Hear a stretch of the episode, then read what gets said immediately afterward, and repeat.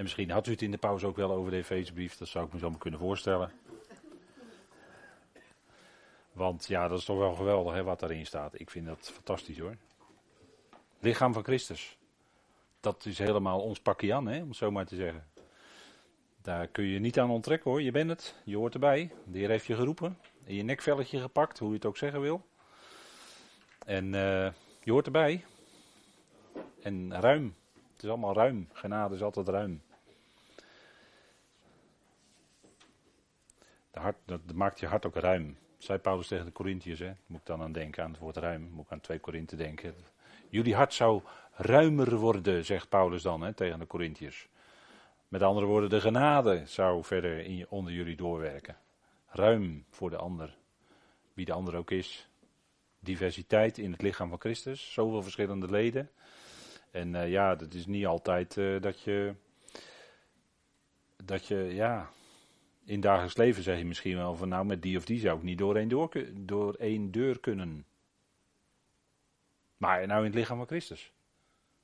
Dan, ga kun je toch met iedereen door een deur. Dat is toch de genade?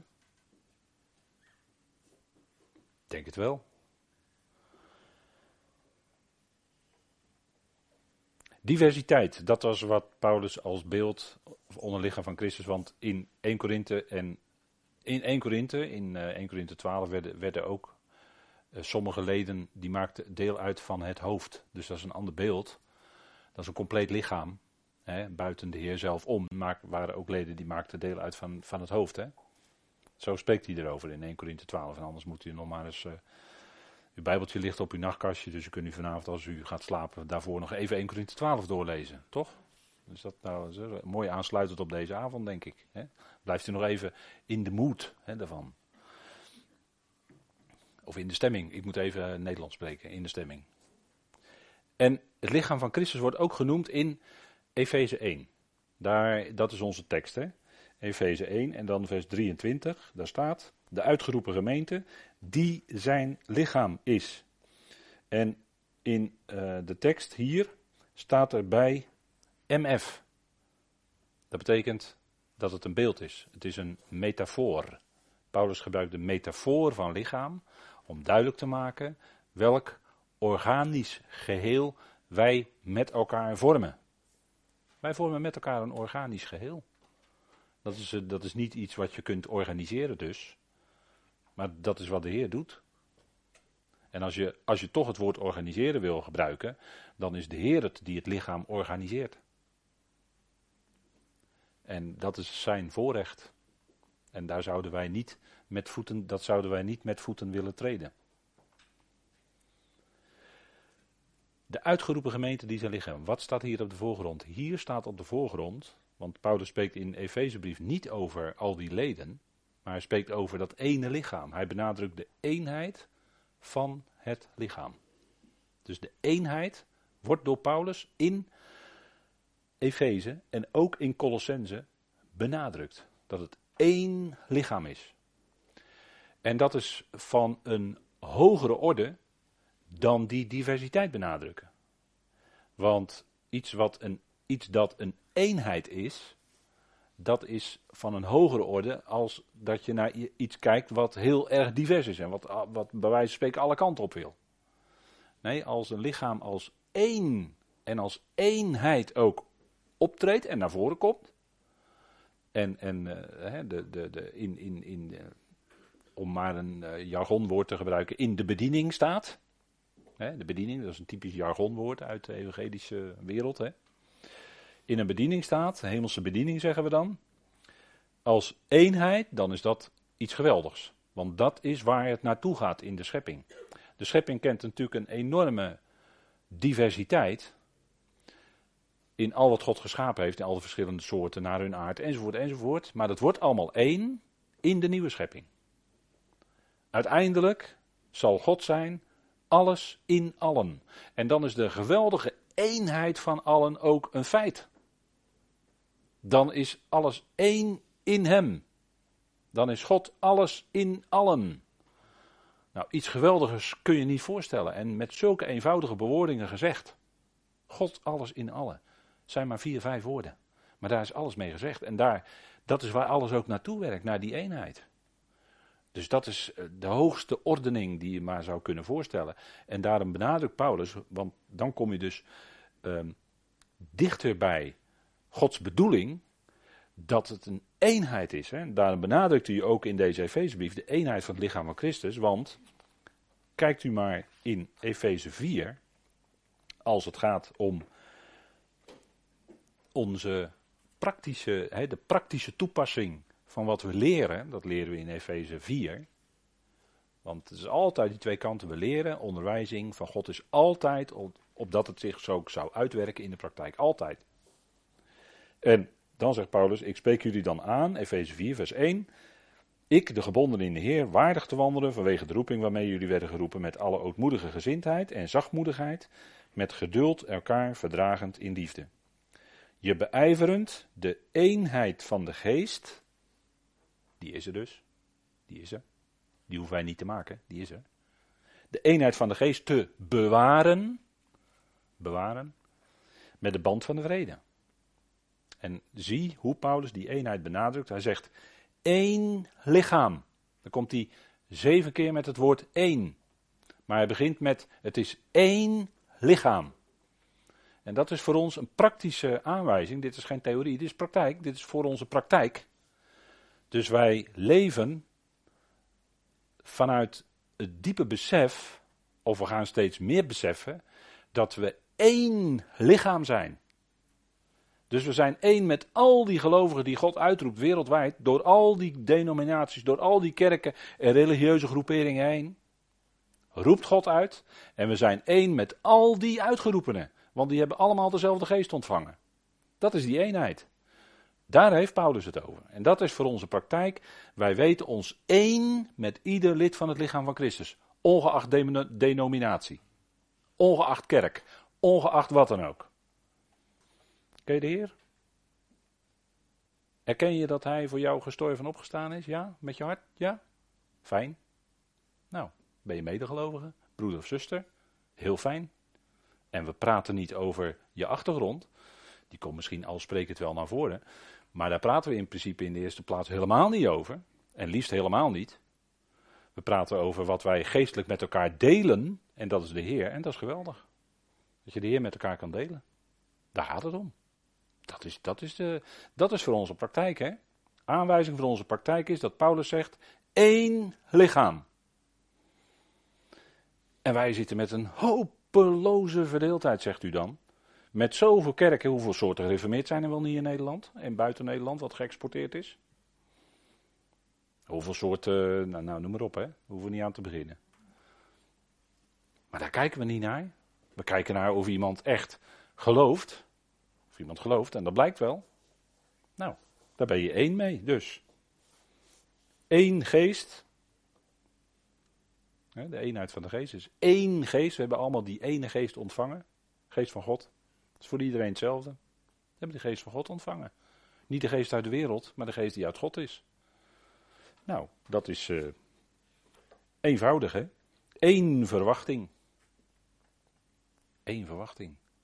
En als je de Efezebrief tot hiertoe gelezen hebt, ben in hoofdstuk 4 gekomen, je hebt hem gelezen, dan weet je wat je verwachting is. Boven, te midden van de hemelsen. Niet op aarde dus.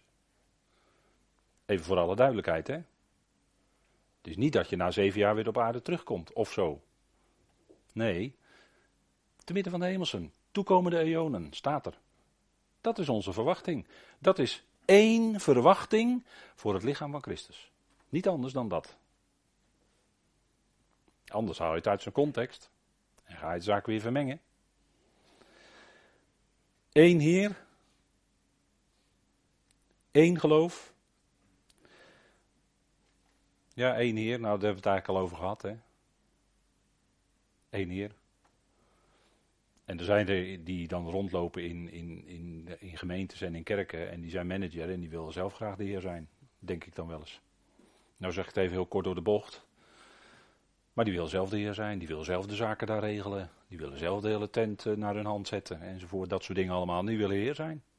Maar er is één heer. Dat is voor je praktijk. Er is één heer. Dat is Christus Jezus.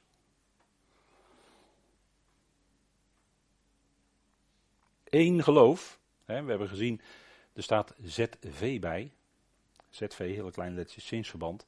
We zeggen één geloofs, hebben we met elkaar gezien, heel dun erachter gedrukt, goed. Eén geloofs, goed.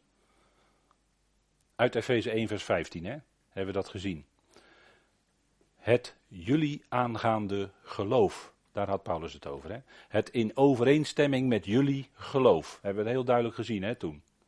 Dat is dat geloofsgoed van de Efezebrief. Dat is een ander geloofsgoed dan Israël. Dus dat is ook voor je praktijk, hè? Eén geloof. En één doop. Eén doop. In de geest, ja. 1 Korinthe 12, vers 13. Eén doop, we zijn naar, naar binnen dat ene lichaam gedoopt in één geest. Dus het is één doop. Dat is niet een waterdoop, dat is, dat is de doop in de geest. Dat is wat Paulus hier zegt hoor. Anders, als u wat anders, als je zegt ook waterdoop, dan maak je er twee van. Sorry. Het staat hier één doop. Staat hier. Eén God en Vader van allen. Dus maar één God en Vader. Nou, dat woordje maar ga ik gelijk schrappen. Er is één God en Vader. En dat is heel groot, want die doordringt alles. Door zijn geest. Dat is veel groter dan hè? wij vermoeden nog. Dus dat is, die, dat is één. Waar gaat het in de feestbrief over? Die geweldige eenheid. En dat is wat bij het beeld, bij de metafoor van lichaam op de voorgrond staat. Die zijn lichaam is. Eén. En zo ook in Colossense. Eén hoofd is er, Christus.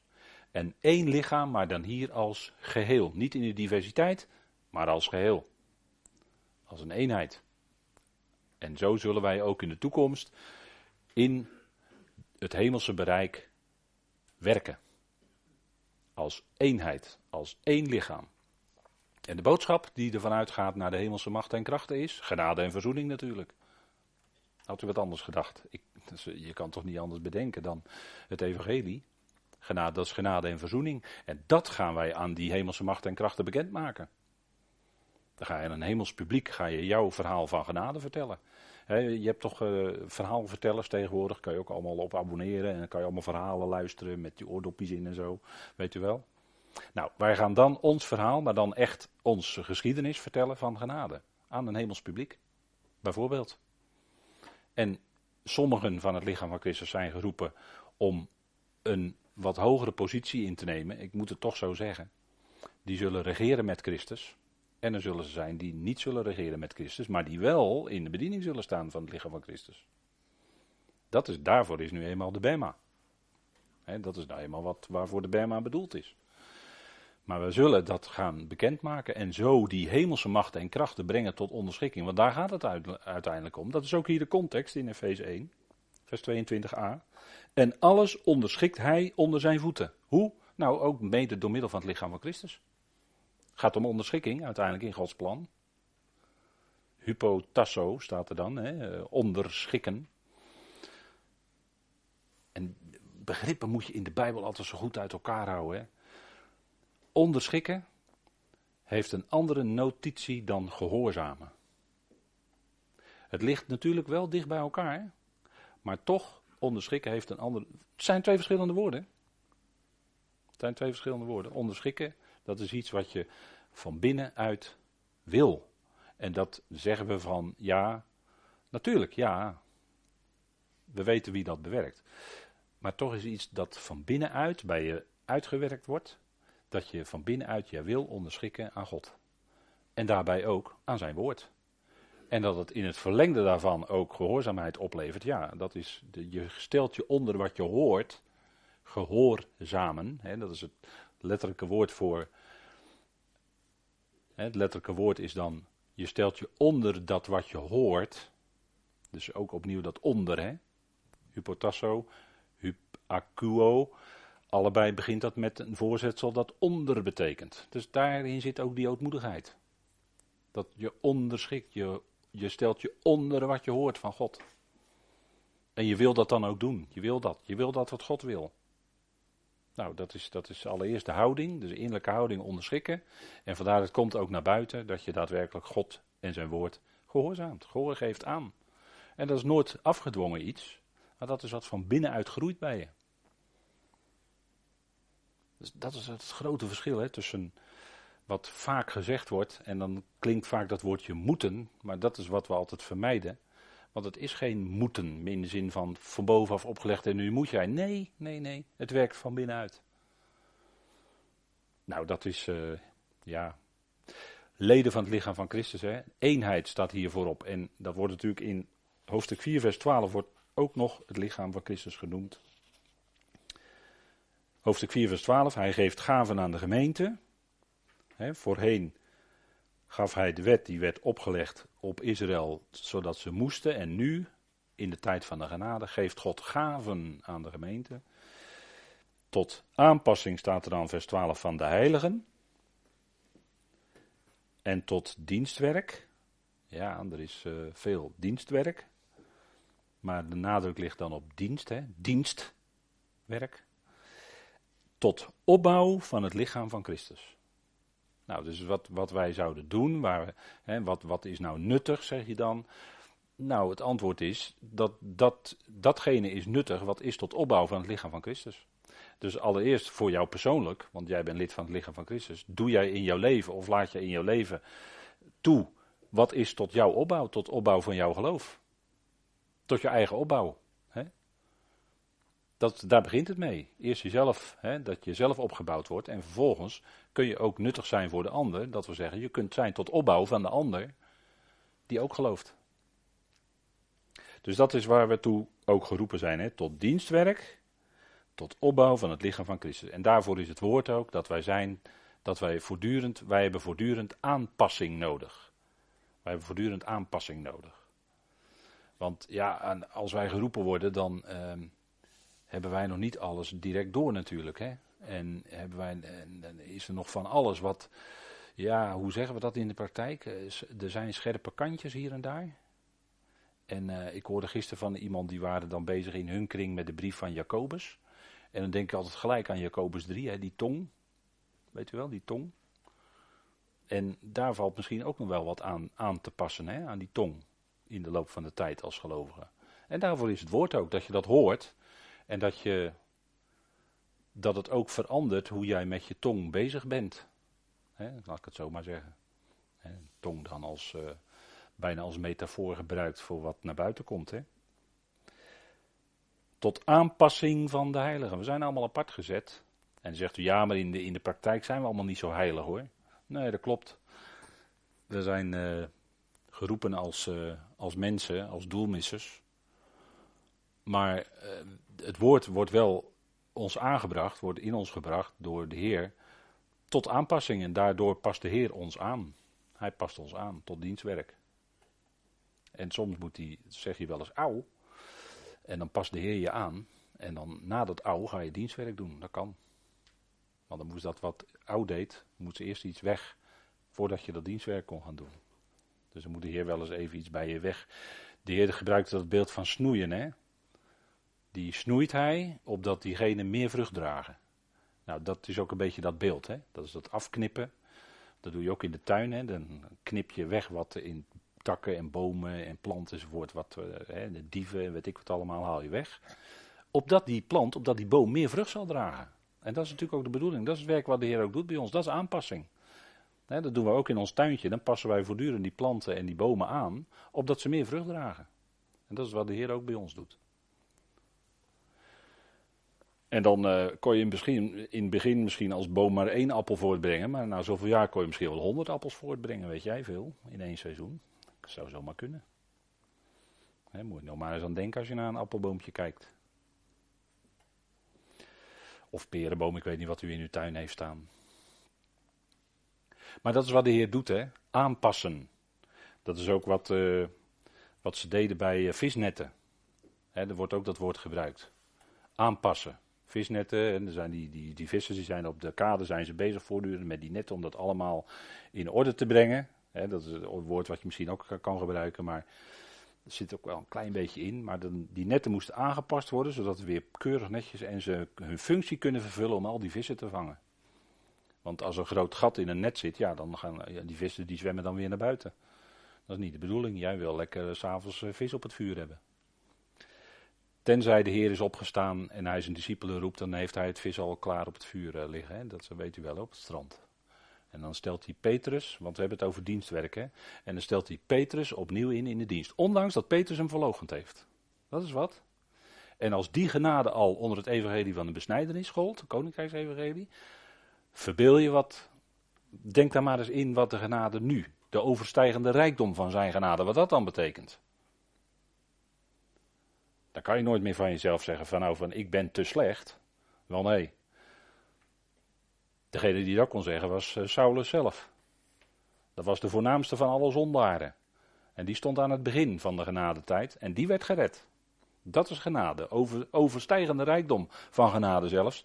Dus als u nou zegt van uzelf van ik ben te slecht om iets aan dienstwerk te kunnen doen, klopt niet hoor. Klopt niet in het licht van de schrift. En dan hebben we dat uh, vijfletterige woord genade. En dat is, uh, ja, of het is geloof ik zes hè. Ja, drie lettergrepen, zes letters, sorry. Genade hebben, is er dan. Genade. Ja, en dan, dan dat slaat je argument gelijk uit je handen vandaan. Want als Saulus al zo'n dienstwerk mocht doen na zo'n loopbaan, als vervolger van de gemeente van God, en hij ging met de keer, mannen, vrouwen en kinderen uit de huizen sleuren enzovoort, zo ging die tekeer, dreiging en moord blazend, Ja, u hoort het goed. U hoort het goed, zo staat het er. Hè? Als die zoveel genade kreeg dat hij apostel mocht zijn van het evangelie van de onbesnedenen. Nou, dan denk ik dat u en ik ook wel wat dienstwerk kunnen doen. Dat er ook voldoende genade voor ons is. Even in perspectief zetten, hè, altijd. Want je bent zo snel geneigd even in je, in je ikkie te kruipen. En, ja, ik ben toch heel slecht hoor, ik, ik kan allemaal niet. Ja, je kunt wel, tuurlijk. Tuurlijk, God maakt het mogelijk. Er zijn al genoeg voorbeelden hoor, in, in, de, in de geloofswereld. Van mensen die voorheen zeiden van, nee hoor, ik, nee, dat ga ik niet doen hoor. Ik ga niet, uh, ik ga niet andere mensen aanspreken. Ik ga niet, voor, uh, ik ga niet spreken. Ik ga dat niet doen, dat niet doen. En ze kwamen tot geloof en ze gingen dat allemaal doen. Ja, dat maakt de Heer mogelijk. Die kracht geeft de Heer. Die geeft dan ook vrijmoedigheid. Hè? Dat is paresia, dat is een heel mooi woord trouwens. Vrijmoedigheid, paresia, wil zeggen dat je alles kunt uitspreken. Dat je alles kunt uitspreken. En als die vrijmoedigheid op een gegeven moment minder wordt, dan betekent dat dus dat je niet meer alles kunt uitspreken. En dat kan belemmering zijn door tegenwerking, tegenkracht. Daarom ging Paulus bij gelegenheid uit de synagoge en ging verder in de school van Tyrannus. Daar had het ook, had ook met die vrijmoedigheid te maken, want hij merkte uit die school zoveel weerstand ja, dan werd er eigenlijk uitgedrukt, zeg maar. Hè? En toen ging hij toch verder, want het woord van God gaat natuurlijk altijd door. Dus we hoeven nooit van onszelf te klein te denken, maar genade. Zet dat er maar voor in de plaats. Wat is het lichaam van Christus nog meer? Want niet alleen, wij zijn niet alleen leden van zijn lichaam, dat is een mooie, prachtige metafoor in de schrift, prachtig beeld. Waar, waar natuurlijk heel veel in zit wij zijn instrumentarium van Hem in de komende tijden, komende eonen. Maar wat is het nog meer, lichaam van Christus? Vraag. Ik weet, ik weet niet of u dat zo kan. Wat? Sorry? Compleet maken, ja. Dat is het, hè? Kijk, dit is, uh, vind ik altijd mooi. Dit, uh, dat, staat ook op, uh, dat ook op die brochure trouwens. Hè, de com completering van het al door Christus. Dat is ook prachtig gekozen. omslag. Ja, dat is ook die puzzel met het ene puzzelstukje. En dan komt dan licht doorheen. Prachtig. Nou, dit is, dit is het, hè, complement. Lichaam van Christus is ook zijn complement. Complement. En dan zegt u, wat is nou een complement? Ik weet wel wat een compliment is, maar wat is nou een complement? Wat moet je daar nou mee? Complement is dat, en deze definitie heb ik uit de Duitse stichwoordconcordans overgenomen in het Nederlands. En ik vond het een hele prachtige definitie. Een complement is dat wat iets opvult of compleet maakt. Dus je ziet het hier, dat ene puzzelstukje maakt die puzzel compleet. En dat is wel fijn hoor, want als jij nou je hele regenachtige zondagmiddag aan een puzzel van 2000 stukjes hebt zitten werken, en je doet dan het laatste stukje erin. Nou, dan ben je een blij mens hoor. Dan ga je lekker een bak koffie zetten en met een stukje gebak erbij. Ik heb er 2000 stukjes heb ik, uh, voor elkaar. Maar dat, dat ging om dat laatste puzzelstukje. Dat moest er ook in, want voor die laatste, voor die 2000ste, was het niet compleet. Dat moest er ook nog ingelegd worden. Het is dat wat iets opvult of compleet maakt. Dus erbij wordt gevoegd om vol te maken. Nou, je kunt het ook hiermee illustreren natuurlijk. Hè, met dit, uh, dit glas is natuurlijk niet vol. Maar je moet daar wat, wat bijgieten totdat het vol is. En wat er nu nog bijgegoten wordt, dat is wat het vol maakt. Dat is eigenlijk een complement. Ja? Simpel hè. Het is dus niet, het is dus niet de volheid of de toestand van vol zijn. Dat is het niet. Het woord pleroma in het Grieks betekent datgene wat compleet maakt. Maar het is niet de volheid zelf. Die dingen moet je goed uit elkaar houden, want dan, anders verzeker ik u dat u weer gaat vastlopen met dingen in de schrift. Hele belangrijke dingen zelfs in de schrift. Dus dat is denk ik een belangrijk punt, hè, dit. Complement is datgene wat compleet maakt. En bedenk dan eens even dat wij als lichaam van Christus maken hem compleet. Dan zegt hij, huh? hoe kan het nou? Was hij dan incompleet? Ja, kennelijk wel. Kennelijk wel. En dat is zelfs zo, maar dat is een stap, een stap hoger. Als de schrift spreekt over het feit dat Christus het complement is van God. En dan kunt u zeggen, ja, wacht eens even, maar was God dan incompleet? Nou, in zekere zin wel. Maar dan moet je goed uit de schrift lezen waar het dan over gaat en wat dat dan betekent. Want God was natuurlijk in het begin, voor alles, was God alles in zichzelf. En dan kun je zeggen, ja, dat was compleet, dat was helemaal goed. Toen schiep hij uit zichzelf, want dat kon niet anders, uit zichzelf, eerst Christus, en in hem en door hem. Maar er werd dus iets uit God. God nam iets uit zichzelf. Ja, het is bijna niet voor te stellen hè, als we over God spreken, maar zo moet je het dan toch proberen te begrijpen. God nam iets uit zichzelf en schiep Christus en in hem was het al in feite al vervat. Hè. In hem zat het al. En, en daar is alles weer uit voortgekomen. Uit hem is alles ook weer verder voortgekomen. Dus, kijk, het lichaam van Christus is zijn complement. Wij zijn het complement van Christus. Dus wij maken hem compleet. En in analogie is de vrouw, de helper van Adam, ook zijn complement. En daar zit een prachtige analogie in. Want die lijn, dat is niet zomaar hoor, die lijn wordt ook doorgezet in Efeze 5. Moet u dat maar eens, ik geef het u maar even mee. Efeze 5 hè die beelden die daar worden, hè, Christus en de gemeente, wordt toegepast op de verhouding in het huwelijk tussen man en vrouw. Nou, dat is, dat is, dus, dat is ook wat hier staat. Hè.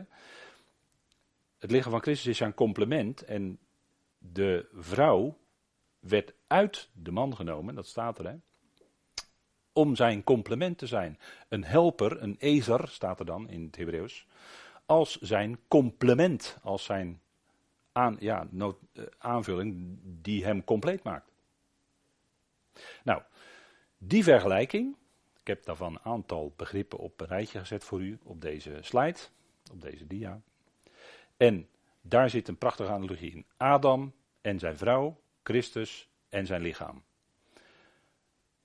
De vrouw, Eva, werd uit Adam genomen om zijn complement, om zijn noodzakelijke aanvulling te zijn, om het zo maar te zeggen, zijn complement. Zo werd de gemeente, het lichaam van Christus, ook uit hem genomen om zijn complement te zijn. dat is een mooie analogie.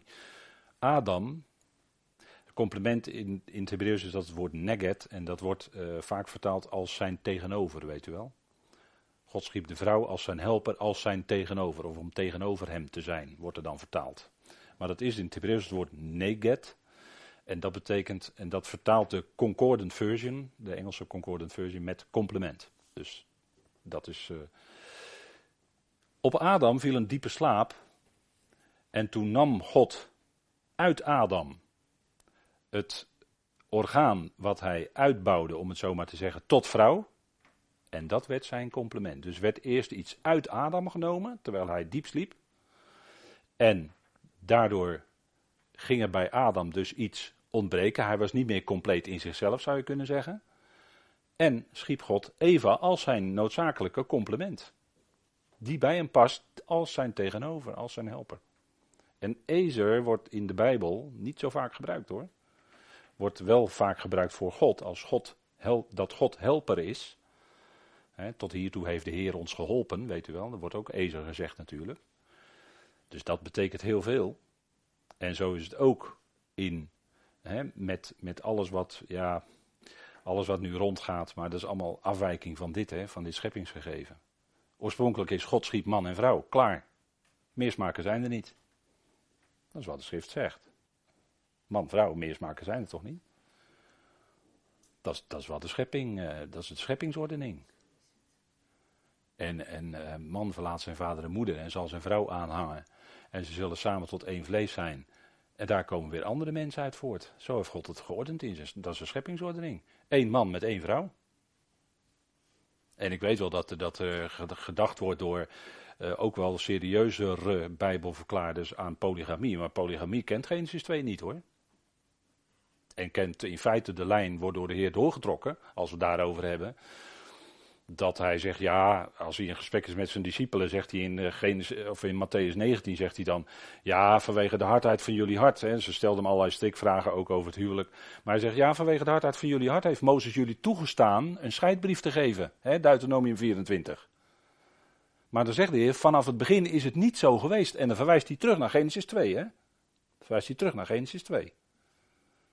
De scheppingsordening is één man met één vrouw, een huwelijk en that's it. Geen polygamie. En dan kun je natuurlijk zeggen, ja, Jacob had twee vrouwen, dit en dat. Dat is allemaal afwijking van. Dat zei de Heer toch? Hij zegt, vanaf het begin is het niet zo geweest. En dan verwijst hij terug naar Genesis 2, vers 24. Dus dat, dat, dat kan niet aan de orde zijn. Paulus doet precies hetzelfde in, in Efeze 5. Dan zit je in, diep in de volkomenheidsbrief. Efeze 5 verwijst hij terug naar Genesis 2. Dat is het. Dus alles wat, alle geluiden die polygamie willen motiveren vanuit de Bijbel, gaat hem niet worden hoor. Kan niet. Want je wijkt af van Genesis 2. Dat is wat de schrift duidelijk maakt. En daar zit natuurlijk een heel diepe achtergrond. Want als we dan gaan kijken hier naar Christus en zijn lichaam, want die vergelijking maakt Paulus in Efeze 5, dan is het Christus, die ging ook in een hele diepe slaap, ik maak aanhalingstekens nu met mijn vingers, want dat is beeldspraak natuurlijk, slaap, voor de dood. Hij ging daadwerkelijk dood. En dat was zijn slapen, zeg maar, diepe slaap. Maar hij was werkelijk dood, hij was zich van niets bewust. Hij was werkelijk dood en in het graf gelegd. En je zou kunnen zeggen, toen, vanaf toen heeft, is God gaan roepen uit hem het lichaam van Christus. En dat zat eigenlijk al in toen Adam in een diepe slaap werd gebracht en de Heer uit hem Eva creëerde. Nou, dat is, dat is de hele, dat is de achtergrond van Genesis 2. En dat is ook wat Genesis 2, zou je kunnen zeggen, misschien wel in de diepste zin uitbeeldt. Christus en zijn lichaam, de gemeente. Die werd uit hem genomen, zegt de schrift. En dan kun je nog vanuit het Hebreeuws zeggen van hem genomen. Zo wordt het ook wel vertaald. Daar, dat is te motiveren. Maar in 1 Korinthe 11 vers 8 zegt Paulus heel duidelijk dat de vrouw, de man is niet uit de vrouw, maar de vrouw is uit de man. Zegt hij letterlijk ek in het Grieks. Uit. Dus de vrouw is uit de man genomen, uit Adam. En die werd. En dat wat God uit Adam nam, dat bouwde hij uit tot vrouw als zijn helper, als zijn complement. Dat is wat de schrift zegt. Hè? En zo werden wij ook uit hem genomen, want we waren eerst in hem, want staat er niet in Efeze 1 vers 4 dat wij in, hebben behandeld, hè, dat wij in hem uitgekozen zijn voor de nederwerping van de wereld. Dus wij waren eerst in hem en we werden later uit hem genomen om leden van zijn lichaam te zijn. Dus dat, dat is analoog aan wat met Adam en Eva gebeurde. Dat is een prachtige, wat we dan noemen een analogie. Dat zijn twee lijnen die zo parallel aan elkaar lopen, hè, maar die wel eenzelfde waarheid uitbeelden. En dat is voor mensen soms moeilijk, dat in de schrift analogieën te vinden zijn. En die mensen vinden dat dan heel moeilijk. Omdat mensen vaak gewend zijn om te denken alleen uit oorzaak en gevolg. Maar in de schrift komt ook voor dat, dat de dingen analoog aan elkaar lopen. En dat loopt gewoon naast elkaar. Dat bestaat gewoon naast elkaar. Dat kan. Dat is analoog. Dat is voor mensen soms moeilijk om, uh, zeker als je in beta bent, om, uh, om, om moeilijk, moeilijk te dingen dringen dan, zulke dingen dringen dan wel eens moeilijker door. Laat ik het maar zo zeggen. Maar die werd uit hem genomen, want Colossens 1 vers 16, Colossens 1 vers 16 zegt dat alles werd in hem geschapen, in de zoon van zijn liefde. En alles is ook door hem geschapen en is ook uiteindelijk tot hem in. Dus alles was eerst in hem, in Christus. En uit hem kwam alles voort. U weet wel, dat bekende beeld van dat piepkleine zaadje, waar die General Sherman, weet u wel, die hele grote boom uit voort kan komen. Nou, in dat piepkleine zaadje zit al die hele grote boom. Kan je niet voorstellen, maar het was wel zo. Dat is een beetje een beeld van wat je kunt bedenken als dat eerst in Christus alles was geschapen, in de Zoon van zijn liefde. En uiteindelijk ook door hem en tot hem alles geschapen is. Dat, dat is denk ik een mooi voorbeeld. Nou, de analogie gaat verder, want wat gaat daar door? Waar zorgde Eva door? Want Adam kon dat niet in zijn uppie. Maar waar zorgde Eva voor? Dat het geslacht van de mens in de generatie steeds voortging. En waar is de gemeente voor geroepen? Dat de heerlijkheid van Christus en van God ook in de komende generaties door zal gaan en door zal klinken en doorgegeven zal worden. Dat is ook een analogie. De bediening van leven. Hè? Eva betekent eigenlijk, hè, dat is van Gai, dat betekent eigenlijk de levende, de moeder van alle levenden wordt er dan gezegd. Maar op zich het woord Eva uit het Hebreeuws betekent de levende. En zij was ook bedoeld om dat leven steeds voort te brengen. En dat moest steeds doorgaan. Hè? De geslachten moesten steeds doorgaan. Dat was Gods bedoeling, is ook zo gelopen. Daarom zijn alle bewegingen die er zijn om. Uh, er leven nu heel veel mensen op de wereld. Hè? 8 eh, miljard geloof ik, was onlangs werd er gemeld. De 8 miljardste wereldburger was geboren. 8 miljard, dat is veel hoor. Maar dat is de veelheid die God uit, hè, onder andere, de, niet deze 8 miljard, er zijn er voor natuurlijk nog veel meer geweest, want we weten niet hoeveel er waren in de dagen van Noach. Maar het lijkt nu heel veel op de dagen van Noach, overigens. En als we het hebben over uh, huwelijk en ten huwelijk genomen wordend enzovoort, hè, wat de Heer Jezus daar zegt, als we het daarover hebben, dan, uh, dan weet u natuurlijk dat de seksuele moraal in de samenleving maar heel erg losjes is geworden. Hè? Dat is, dat is uh, denk ik intrappen van een open deur wat ik nu doe. Hè? Dat weten we allemaal heel goed. Maar daarom is het zo goed en zo zuiver. Daarom is het zo goed en zo zuiver als we leren vanuit Genesis 2 hoe dat zit. en dat dat een geschenk is, uh, dat dat een geschenk is wat God geeft in het huwelijk tussen man en vrouw. Toch? Dat is toch wat, uh, dat is toch wat de schrift duidelijk maakt. Ja, zo, zo, zo zijn die dingen. Nou, bediening van leven, dat is ook aan Christus. Hè? Dat is al van voor de eonen zelfs. De bediening van leven, dat hij leven geeft. En door zijn opstanding of levendmaking uit de doden is leven en onverderfelijkheid aan het licht gebracht. En dat zal doorgaan tot, nou, totdat iedereen echt is levend gemaakt. Bediening van leven. Dus daar is de illustratie is, zien we in deze oude schepping bij de oude mensheid. Adam en Eva, bediening van leven. Maar in veel hogere instantie, de bediening van leven, levend maken, dat doet Christus. En samen met zijn gemeente, hè, bediening van heerlijkheid, is om iets van die heerlijkheid van God te laten zien in de mensheid. Hoe, door, door, hoe erg dat beeld ook uh, verduisterd is geworden van heerlijkheid van, uh, van de mensheid. Hoe, hoe dat werkt. Maar de bediening van de genade is daar in feite de, de waarheid van, hè, het ware. Dat is wat Christus en zijn lichaam in de komende eonen hebben. Bediening om die genade en heerlijkheid en mildheid van Christus te tonen aan die hemelse machten en krachten. En dat is uh, natuurlijk geweldig. Daar zit een geweldige analogie in. En dan is dat misschien wel heel veel wat, wat nu gezegd is in korte tijd. Maar denkt u nog maar eens erover na en luistert nog maar eens na. Hè, dan kun u die dingen wat beter en wat rustiger overwegen. Maar dit is een geweldige analogie en dat, is, dat maakt iets duidelijk van de geweldige bediening en de geweldige plaats, ook de hoge plaats die de gemeente het liggen van Christus heeft in Gods plan van eonen. Want dat is niet niks. Nou, kijk, Christus is Gods complement. Gaan we even door op dat woord complement. Hè? Wij maken hem compleet. Maar Christus op zichzelf is Gods complement en ons complement. Dus hebben we weer twee andere invalshoeken, zeg maar, op dat woord complement. Hè? Dus Christus maakt in zekere zin God compleet, hoe raar dat ook mogen klinken. En hij maakt ons compleet. Kijk, hoe maakt hij God compleet? Nou, hij is woord. Hij is het woord dat vlees geworden is. Hij is het beeld van God. Dus naar de schepping toe. God is geest. En er werden schepselen kwamen allemaal tevoorschijn, om het zo maar te zeggen. Werden allemaal gecreëerd. En God die wilde zich bekendmaken aan zijn schepselen. Maar er ontbrak hem iets. Want hij is geest en hij kon het niet overbrengen. Hoe? Wel, door zijn woord.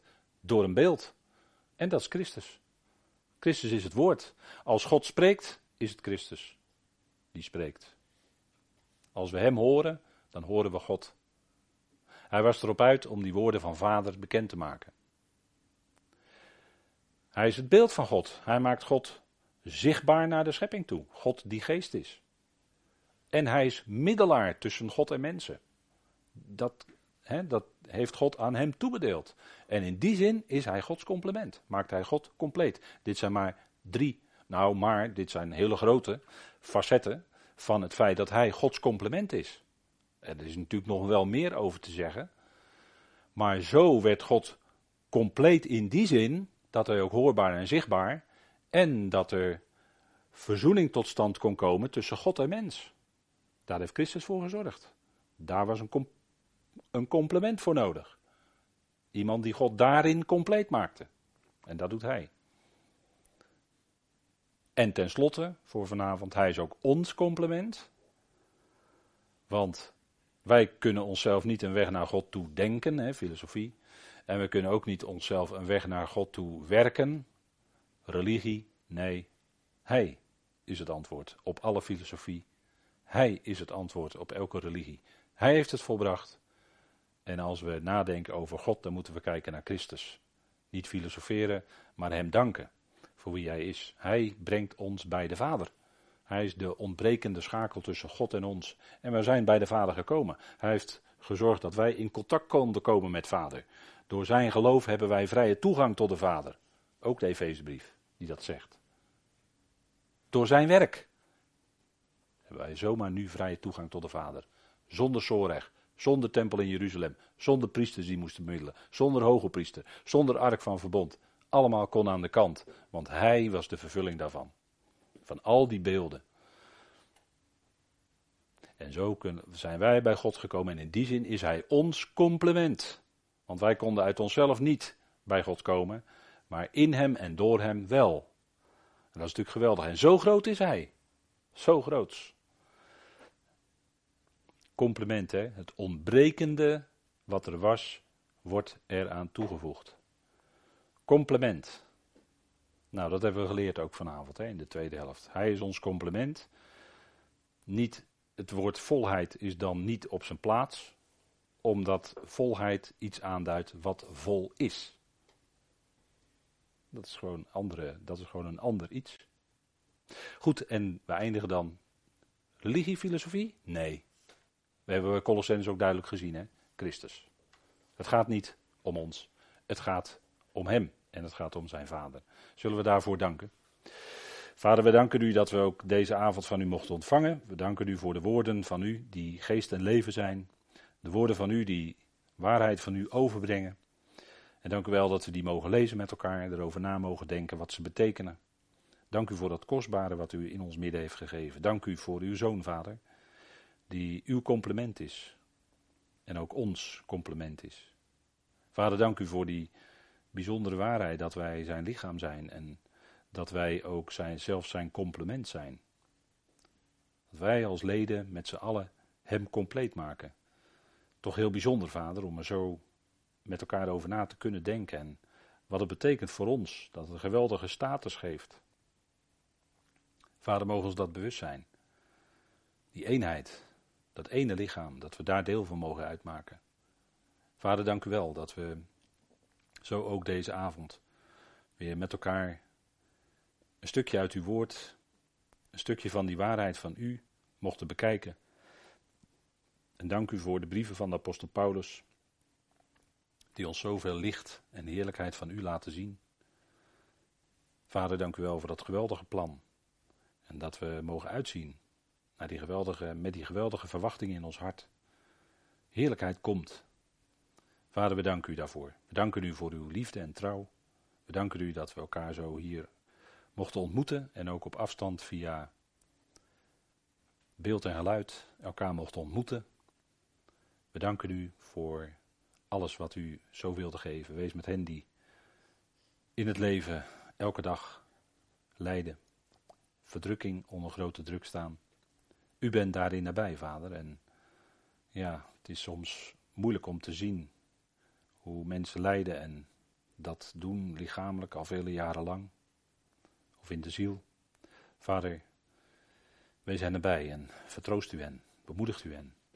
Onze armen zijn te kort, maar die van u niet. En daar dank u voor, Vader, dat uiteindelijk ieder terecht zal komen in die armen van u. We danken u daarvoor, voor die liefde. Dat we dat zo mogen delen met elkaar. In de naam van uw geliefde Zoon, onze Heere Christus Jezus. Amen.